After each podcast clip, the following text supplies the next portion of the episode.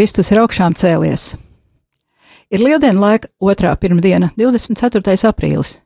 Pūkstenis rāda 22,5 minūtes, un šo pusstundu kopā ar jums es, Sandra Preisa.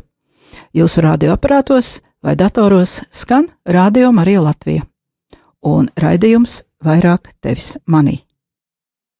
Šodien turpināsim iepriekšējā raidījumā iesākto sarunu par cilvēku un cilvēku cieņu, Un tā ir viena no svarīgākajām tēmām, jo no tā, kāda ir mūsu izpratne par cilvēku, tieši vai netieši, izriet gan visa mūsu uzvedība, gan izturība dažādos pārbaudījumos. Atgādinu raidījuma kontaktus. Ētera telefona numurs 67 969 131. Numurs izziņām 266 77 272. Pagājušā raidījumā divi klausītāji nopelnīja lieldienu dāvanas, tā kā piedalīties mazajos konkursiņos ir izdevīgi. Bildes no tikšanās ar klausītājiem varat apskatīt raidījuma Facebook lapā, kur tā arī saucas raidījums vairāk tevis manī. Vēlos arī informēt klausītājus, kuri raidījumus klausās rādījuma arī arhīvā. Jūsu vērtībām vairs nav jāmeklē raidījumi pēc datumiem, bet tie ir sašķiroti pēc raidījuma nosaukuma alfabēta kārtībā, un vienā mapē ir apkopoti attiecīgi visas šīs sezonas raidījumi. Un tiem, kuri vēlas saņemt saiti uz maniem pagājušās sezonas raidījumiem, kuri nav eh, šajā arhīvā, rakstiet man uz e-pastu vai sūtiet ziņu Facebook lapā. Bez tam gribu pateikties visiem klausītājiem, kuri man jau ir rakstījuši, zvanījuši vai personīgi izteikuši savas domas par raidījumu, jo tas man palīdz uzlabot raidījumu kvalitāti. Šo raidījumu es veidoju jums, jūsu dēļ, un tas ir manas mīlestības darbs. Tas ir tas, kādā veidā es varu mīlēt Dievu un cilvēkus. Ja raidījumam uh, jūs, pamanāt, ka ir slikta skaņa vai kāds cits defekts, vai arī varbūt gribat pastrīdēties par tēmu, kuru klausaties, droši zvaniet uz ēteru vai rakstiet. Uh, Tā tad ētera telefons vēlreiz 67 969 131 un telefona numurs īsiņām 266 77 272. Tā kā pašlaik dzīvojam lieldienu laikā, tad sāksim šo raidījumu ar liturģiskiem laikam atbilstošu lūkšanu. Lūksim visos mūsu pašu un radio Marija atbalstītāju nodomos, kā arī par svētā Dominika sekotājiem Baltijā un Francijas provincē. Dieva tēva un dēla un svētā gara vārdā Āmen. Debesu karaliene līksmojies, aleluja! Tas, ko tu kā bērnu nesi, aleluja! Augšām cēlies ir kā teicis, aleluja! Lūdz Dievu par mums, aleluja! Priecājies un līksmojies jauno Mariju, aleluja! Jo kungs ir patiesi augšām cēlies, aleluja! Lūksimies! Dievs! Tev ir lapaticis ar sava dēla mūsu kunga Jēzus Kristus augšām celšanos, iepriecināt pasauli. Mēs tevi lūdzam, aizbilstot viņa mātei Jaunavai Marijai, ļauj mums iemantot mūžīgās dzīves priekus caur Jēzu Kristu, mūsu kungu. Āmen! Un tagad lūdzas Dominikāņu brāļi. Amen.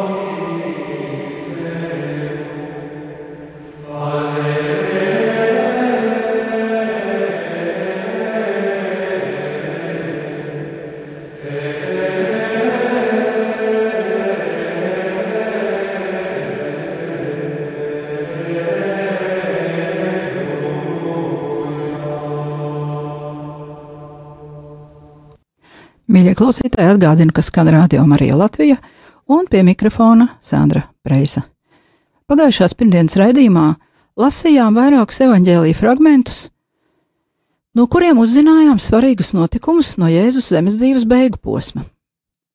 Iespējams, ka klausītāju vidū šobrīd ir cilvēki, kuri nav īsti pārliecināti, vai var balstīties uz Bībeli kā nopietnu vēsturisku dokumentu, un uzskata, ka tikpat labi mēs šeit varētu meditēt, piemēram, latviešu tautas pasaku par kūrbadu, stāstu par Harry Potteru vai grāmatu Da Vinci kods.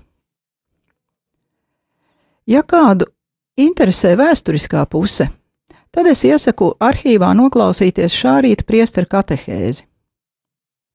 Tai vajadzētu būt arhīvā rītā, nu droši vien, ka pēcpusdienā, kā mūsu darbinieki paspēs. Bet tagad es jūs visus aicinu palieciet pie saviem radioaparātiem vai datoriem. Tas ir labs treniņš smadzenēm, iepazīt atšķirīgus domāšanas veidus, un es ļoti ceru, ka interesanti būs visiem. Pagaidām es aicinu pieņemt, ka Bībeli, kas ir kristīgās ticības pamats, viena daļa Latvijas valsts nodokļu maksātāju pilnā nopietnībā pieņem kā uzticamu avotu un nevis kā pasaku grāmatu.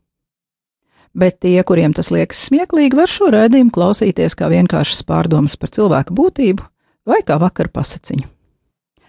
Bet tagad atpakaļ pie tēmas. Kāpēc es raidījumos vispār runāju par cilvēka konceptu Romas Katoliskās baznīcas mācības gaismā?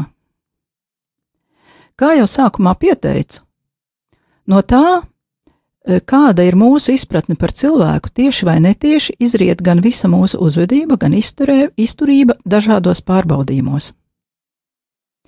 Ja sekojam notikumiem pasaulē, mēs visdrīzāk esam pamanījuši, ka šobrīd visvairāk vajātā ticība ir kristietība. Ticības dēļ tiek padzīti no dzimtajām mājām un nogalināti cilvēki Pakistānā, Nigērijā, Sīrijā, Irākā un citās valstīs. Pie tam zvēriski nogalināti. Un vienīgā viņu vaina ir tā, ka viņi tic augšām celtajam Kristum. Viņi nav krimināli noziedznieki. Liela daļa no viņiem ir sievietes un bērni.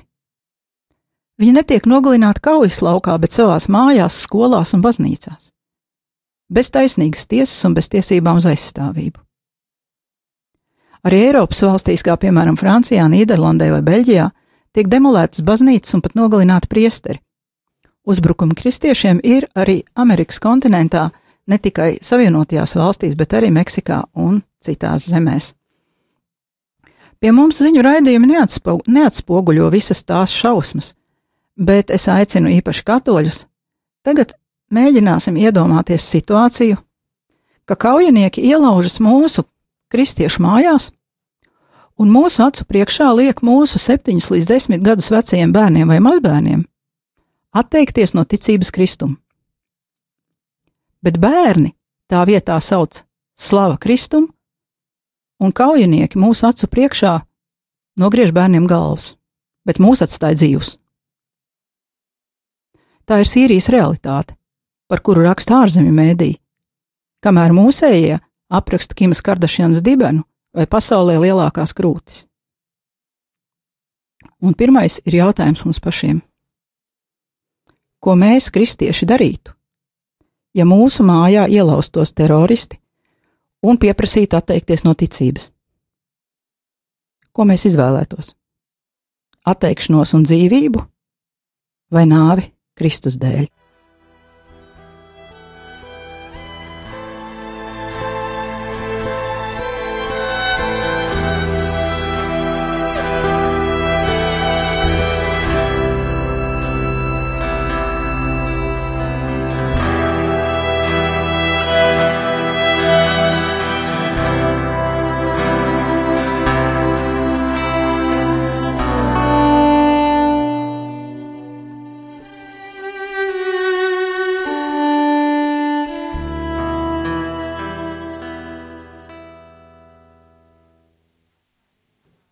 Mazliet bija laiks padomāt par šiem jautājumiem, kas ir skarbi.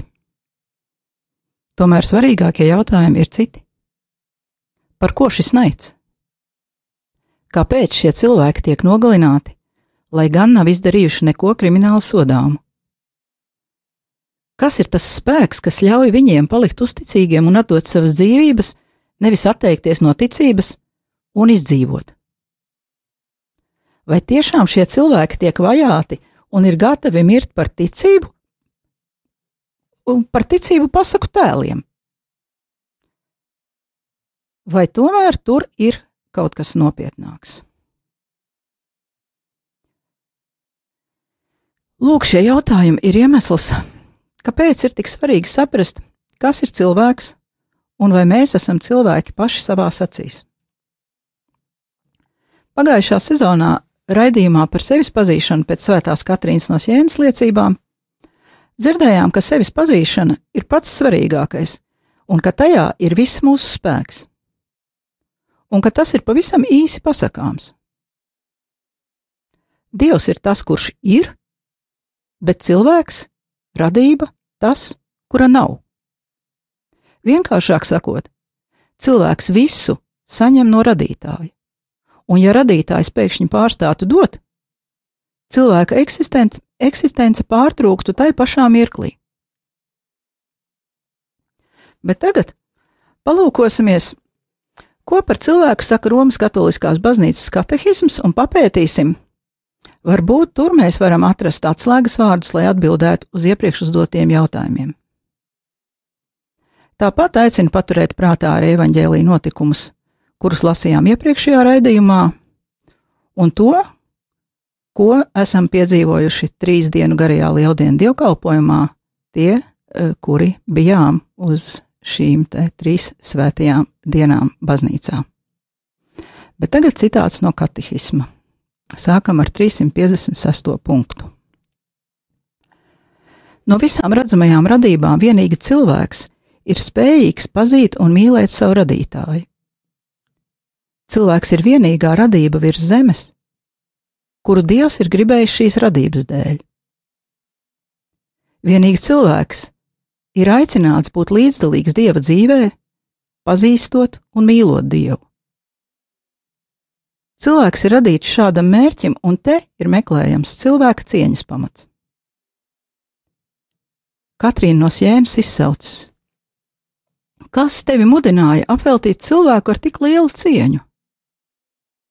Tā ir prātam neaptveramā mīlestība, ar kuru tu pats sevī uzlūkoji savu radību un tu iemīlējies viņā. Jo aiz mīlestības tu esi viņu radījis, un atkal aiz mīlestības tu esi tai devis esmi, kas ir spējīga baudīt tavu mūžīgo labumu. Tā Katrīna. Tā kā cilvēks ir radīts pēc dieva attēla, tad cilvēciskiem individam pienāks personas cieņa. Viņš nav tikai kaut kas, viņš ir persona.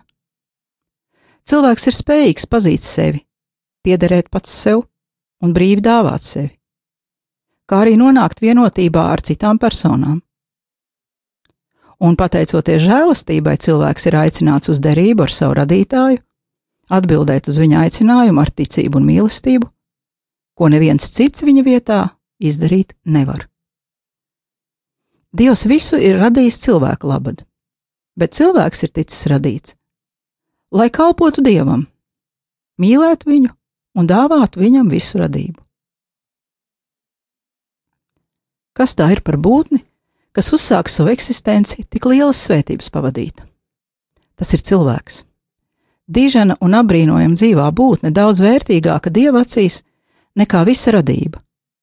Un viss, kas eksistē, debesis un zeme, jūra un visa radība kopumā, viss pastāv cilvēka dēļ, un viņa pestīšana ir bijusi dievam tik svarīga, ka viņa dēls nav audzējis, ka viņa dēļ dievs nav audzējis pat savu vienzimušo dēlu jo Dievs nav mitējies likt lietā visu, lai paceltu cilvēku, novietojot līdzās sev un nosēdinātu viņu pie savas labās rokas. Tālāk, 361. punkts. Šis cilvēciskās solidaritātes un mīlestības likums, neizslēdzot personu, kultūru un tautu dažādību, mūs pārliecina, ka visi cilvēki patiešām ir brāļi, saka pāvests Pīs 12. enciklikā Summi Pontificātus.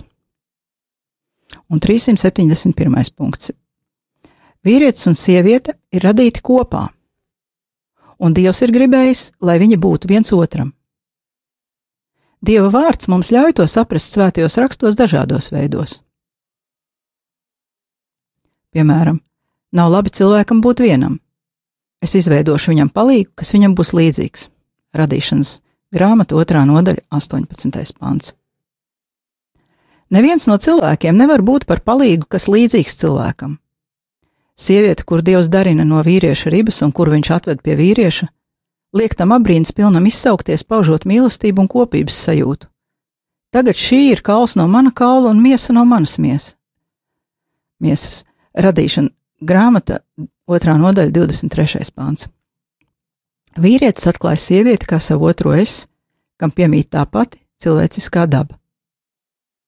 Savukārt citā vietā 2196. punktā katehisms mums atgādina evaņģēlī vārdus, kur Jēzus atbildēdams uz jautājumu, kurš no baušļiem ir pats svarīgākais, sacīja: Pirmais ir: Klausies, Izraēlu! Kungs mūsu Dievs ir vienīgais kungs. Tev būs mīlēt savu kungu, savu dievu, no visas savas sirds un no visas savas dvēseles, no visas sava prāta un no visa sava spēka Otrais ir šis: Tev būs mīlēt savu tuvāko kā sevi pašu. Nav cita baušļa, kas būtu lielāks par šiem. Marka evanģēlijas 12. nodaļa, 29, 31. Savukārt svētais apustulis Pāvils to atgādina. Kas tuvāko mīl, tas izpilda likumu. Jo baušļi tev nebūs laulība pārkāpta, tev nebūs nokaut, tev nebūs zakt, tev nebūs iekārot, un ja vēl ir kāds cits bauslis, tie visi ir ietverti šai pavēlē - mīli savu tuvāko kā sevi pašu. Mīlestība tuvākajam nedara ļaunu, tāpēc mīlestība ir likuma piepildījums. Vēstule romiešiem 13, 8 līdz 10. Citāta beigas. Tie, kur ir lasījuši vai klausījušies evaņģēliju, jebkad, iespējams atceras, ka Jēzus ir teicis, ka viņš ir nācis likumu izpildīt, nevis atcelt. Baušļi nav atcelti, bet Jēzus dod citu pamatojumu. Nevis bailes vai pienākums mums tos liek izpildīt, bet gan mīlestības dēļ mēs vairs nespējam nepildīt baušļus. Mīlestības likums mūs padara par baušļu brīvprātīgiem izpildītājiem. Mēs vairs nekalpojam bauslībai, bet mīlestībai. Un likums vairs nav rakstīts uz akmens plāksnēm, bet ir ierakstīts mūsu sirdīs. Bet kā lai tiek galā ar šo jauno likumu, ar šo mīlestības pienākumu? Šeit jau rodas pirmā kļūda. Cilvēkiem patīk domāt, ka tad, ja mīl, baušļi vairs nav jāpilda. Ir jāpilda. Pats Jēzus pildīja. Bet par to mēs parunāsim kādā citā reizē, vai arī jūs varat atvērt katehismu, un tur viss ir uzrakstīts. Bet šodien vēl mazliet parunāsim par mīlestību. Cilvēks ir tā radīts, ka viņš dabiski mīl labo un nemīl vai pat ienīst ļauno. Tā tad arī, lai mīlētu cilvēku, gan kādu konkrētu personu, gan cilvēku vispār, mums ir jādomā par viņu, ka viņš ir labs. Un vēl Jēzus saka, mīli tuvāko kā sevi, tad vēl pie tam ir jāmīl arī sevi. Bez tam sevis mīlestību Kristus uztver kā nosacījumu, lai mīlētu tuvāko, un nevis otrādi. Vispirms mīli sevi. Taču bieži tieši šeit sākas problēmas. To, ko zinām par Dieva tēva mīlestību, par Kristus dzīvi, nāvi un augšām celšanos, mums ir grūti attiecināt uz sevi. Patiesībā mums ticīgajiem pašiem liekas, ka mēs pat ļoti attiecinam to uz sevi un viss ir kārtībā. Tomēr bieži, pārāk bieži, mēs labākajā gadījumā to pieņemam kā kādu neaizsniedzamu sapni, kaut ko, kas mums nav sasniedzams, kaut kādu ideālu. Mēs nejūtamies pestīti. Ļoti iespējams, ka šīm sajūtām par pamatu ir kaut kāda psiholoģija, mūsu agrīnā dzīves pieredze ģimenē vai skolā, kur tikai daži no mums bija teicamnieki ar priekšzīmīgu uzvedību, bet pārējie vienkārši normāli bērni, kuriem mūždien bija pa kādai sliktai atzīmē, piezīmē dienas grāmatā, un vecāku un skolotāju teiktie vārdi: Tu esi slikts, Tādi kā to dzīvē neko nesasniegs, tu neesi pelnījis, tu slikti uzvedies, tu slikti mācies, apklusti netraucē, rekā kaimiņa lienīte vai jurītis var, bet tu nevari, nu kaut kas tāds. Un nav teikts arī, ka teicamniekiem ir gājis vieglāk. Tie cilvēki, kuriem Dievs bija uzticējis mūsu audzināšanu, domādami, ka tādā veidā viņi dara labu, patiesībā ir iedzinuši mums mūsu vainas sajūtā un depresijā. Un šī izkropļo, izkropļotā sevis uztvere mums velkas līdzi tā kā akmens kaklā. Saprotiet pareizi, tas nenozīmē, ka mēs tagad esam atraduši vainīgos, vecākus skolotājus vai grūto bērnību. Nē, tieši pretēji. Tas nozīmē, ka mums ir beidzot jāsāk uzņemties atbildību pašiem par savu dzīvi. Un jāsaprot, ka mūsu bērnības autoritātēm nebija taisnība. Varbūt mēs kaut ko slikti darījām, bet mēs neesam slikti. Dievdās mūs glāba, jo mēs esam radīti labi, salīdzinot radīšanas grāmatu 1. nodaļa 31. Bet sagrēkojām, bijām sagrēkojuši un zaudējuši dievu žēlastību. Un šeit var rasties vēl viena smaga kristiešu kļūda. Mēs jaucam pazemību ar sevis noniecināšanu un pazemošanos vai pazemošanu. Pazemība ir patiesības atzīšana par sevi, kura ietver sevī gan grēkā krišanu, gan pestīšanu, gan dieva dēlu cieņu, gan radījumu zemību. Bet mēs noniecinām sevi, noniecinām citus, bet noniecinot citus, vēl krītam lepnībā. Nu, kuram tā nav gadījies? Mēs sevi saucam par grēciniekiem, kas arī mēs esam, un tas ir taisnīgi. Tomēr mēs esam atpestītie grēcinieki. Daudziem kristiešiem ļoti patīk atsaukties uz savu grēcīgumu, lai attaisnotu savu nožēlojamo dzīvi un nevēlēšanos ieguldīt darbu savā izaugsmē. Tas pat ir dubult izdevīgi. No vienas puses mēs varam izskatīties pazemīgi situācijas, no otras mēs atvieglojam savu dzīvi, jo atļaujam sev dzīvot vecajos grēkos, jo mums ir attaisnojums nelaboties. Un vēl jautri uzdziedam, Dievs mani mīl tādu, kāds es esmu, un priecājas par katru manu žestu. Neapšaubāmi, ka Dievs mūs mīl. Bet vai viņš priecājas par katru žestu, vai drīzāk saraujas no katra mana žesta, tas gan paliek liels jautājums. Liekas, ka viņš tomēr gaida, lai mēs kļūtu pēc iespējas līdzīgāk Jēzum, un nevienu ekstrēmu ciešanu laikā, bet vispirms savā ikdienas dzīvē. Pats Jēzus pirms nomira 30 gadus dzīvoja parasta cilvēka dzīvi. Ievēroja baušļus, darīja labu, daudz lūdzās, un pēc Jāzapa nāves ar savu roku darbu uzturēja sevi un savu svēto māti un uzņēmās atbildību pats par savu dzīvi, kā lasījām iepriekšējā redzējumā. Tikai trīs gadus viņš sludināja, un trīs dienas ilga viņa agonija. Bet pirms tā visa viņš dzīvoja. Jēzus saka: ņem savu krustu un seko man, savu krustu, un dzīvo. Tik vienkārši. Bet vai tiešām vienkārši?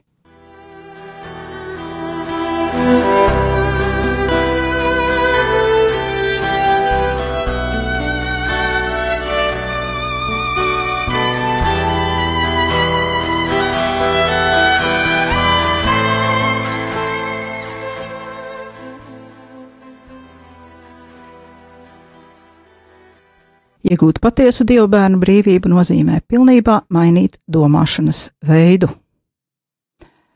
Grieķu valodā to sauc metanoja. Mēs dažreiz vēl to saucam par atgriešanos. Tas ir visgrūtākais darbs pasaulē, bet tas ir tā vērts. Vienīgi uzņemoties atbildību paši par savu dzīvi un nevis nemitīgi meklējot attaisnojumu vai vainīgos, mēs pa īstam sākam dzīvot. Un šeit mums par atbalstu kļūst dieva žēlstības spēks, bez kura mēs neko paši nevaram, bet kuru mēs nemitīgi saņemam acīm neredzamā veidā. Vispirms kristības sakramentā, kurš mūs vieno ar Jēzu, nāvē un nojauc grēku veidoto sienu starp mums un radītāju, un padara mūs no miesīgiem par garīgiem cilvēkiem, un tad visos pārējos sakramentos, tad arī lasot Bībeli, lūdzoties, pielūdzot Dievu, cenšoties izkopt savus tikumus, darot žēlsirdības darbus. Ir jāsaprot, ka iziešana no sevis nemīlēšanas stāvokļa noteikti nebūs viegla.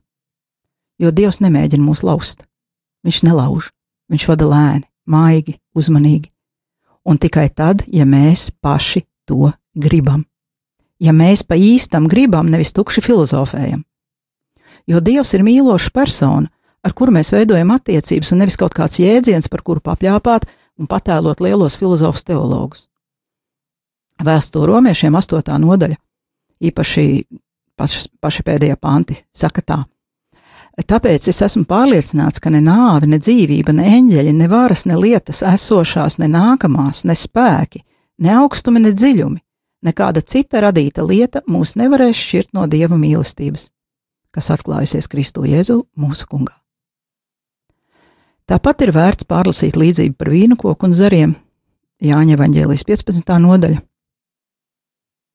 Un tad mēs varam pajautāt, vai tieši šajās attiecībās ar dzīvo Dievu neslēpjas kristiešu lielā iekšējā spēka noslēpums, kuru tik ļoti ienīst ienaidnieks.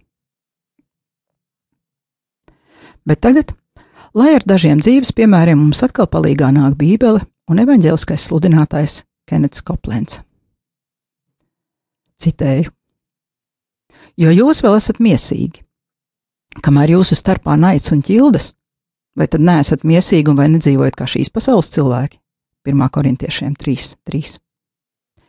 Jau pietiekami bīstam ir tas, ka strīdi, jeb ķildes atver mūsu dzīves durvis nekārtībai un visam sliktajam. Jēkaba vēstule 3, 14, 16. Jau tam vien vajadzētu likt jums pretoties tām ar visu spēku, taču tas vēl nav viss, ko Bībele runā par strīdiem, jeb ķildām. Savā pirmajā vēstulē korintiešiem apustulis Pāvils dod mums vēl vairāk informācijas par strīdu graujošo raksturu. Viņš rakstīja tā: Ar jums, brāļi, es nevarēju runāt kā ar garīgiem, bet kā ar miesīgiem cilvēkiem, kā ar bērniem Kristū. Es jums devu pienu un nesmagu barību. To jūs nevarējāt panest, un arī vēl tagad nevarat, jo jūs vēl esat miesīgi. Kamēr jūsu starpā naids un ķildes, vai tad neesat miesīgi, vai tad nedzīvojat kā šīs pasaules cilvēki? Pirmā vēstule korintiešiem 3, 1 līdz 3. Miesīgie kristieši ir nelaimīgi cilvēki. Viņi ir piedzimuši no augšienes, un viņi zina par Dievu pietiekami daudz, lai nebaudītu grēku. Bet viņi nav pietiekoši sevi veltījuši, lai nepaliktu grēkā. Ja negribat sevi atrast šādā stāvoklī, un es zinu, ka jūs negribat, tad nošķirieties no strīdiem un nesaskaņām, jo strīdi atstās jūsu miesā. Tie neutralizēs jūsu spēju apgūt Dieva vārda gaļu, bet bez šīs stingrās barības jūs nespēsiet izaugt un kļūt stipri, uzvaru nesoši kristieši. Ja jūs strīdaties ar citiem, jūsu garīgais briedums apstāsies. Jūs būsiet pastāvīgi garīga zīdaiņa stāvoklī, un vēlns regulāri sēdēs jums uz galvas. Tāpēc es aicinu, pieaudziet. Nepalieciet zīdaiņa stāvoklī. Atmetiet strīdus un vērsieties pie Dieva vārda un drīz vien jūs kļūsiet par to, par ko jūs dēvē Dieva vārds - par uzvarētājiem, par Dieva bērniem. Tā Kenets Koplens. Redījums tuvojas izskaņai, bet vēl mazliet uzmanības. Es izsludinu jaunu konkursu kā jau pamanījāt, sākumā teicu, konkursā piedalīties ir izdevīgi, jo var dabūt reāls balvas, kuras varat paskatīt Facebookā, piemēram, tagad. Tātad konkurss ir šāds. Līdz nedēļas beigām, līdz svētdienai, 30. aprīlim, uzrakstiet man savu versiju par to, kas ir pretstats mīlestībai. Vārdu skaits ir neierobežots no 1 līdz n, un viena atbilde saņems balvu. Ja būs daudz vēstuļu ar atšķirīgām versijām, apsolu interesantu raidījumu. Ja vēstuļu nebūs, raidījums skanēs tik un tā, bet citā versijā. Rakstītāju vārdi netiks nekur publiskoti vai izpausti, ja paši rakstītāji to nevēlēsies. Aicinu rakstīt man Facebook lapā vai uz e-pastu vairāk tevis manī at gmail.com un laiks ir tātad visa nākamā nedēļa līdz pat svētdienas rītam. Raidījums vairāk tevis manī un es, Sandra Preisa, atvados no jums, mīļie karaļbērni, un, kā jau lieldienu laikā, atvados ar priecīgu aleluja!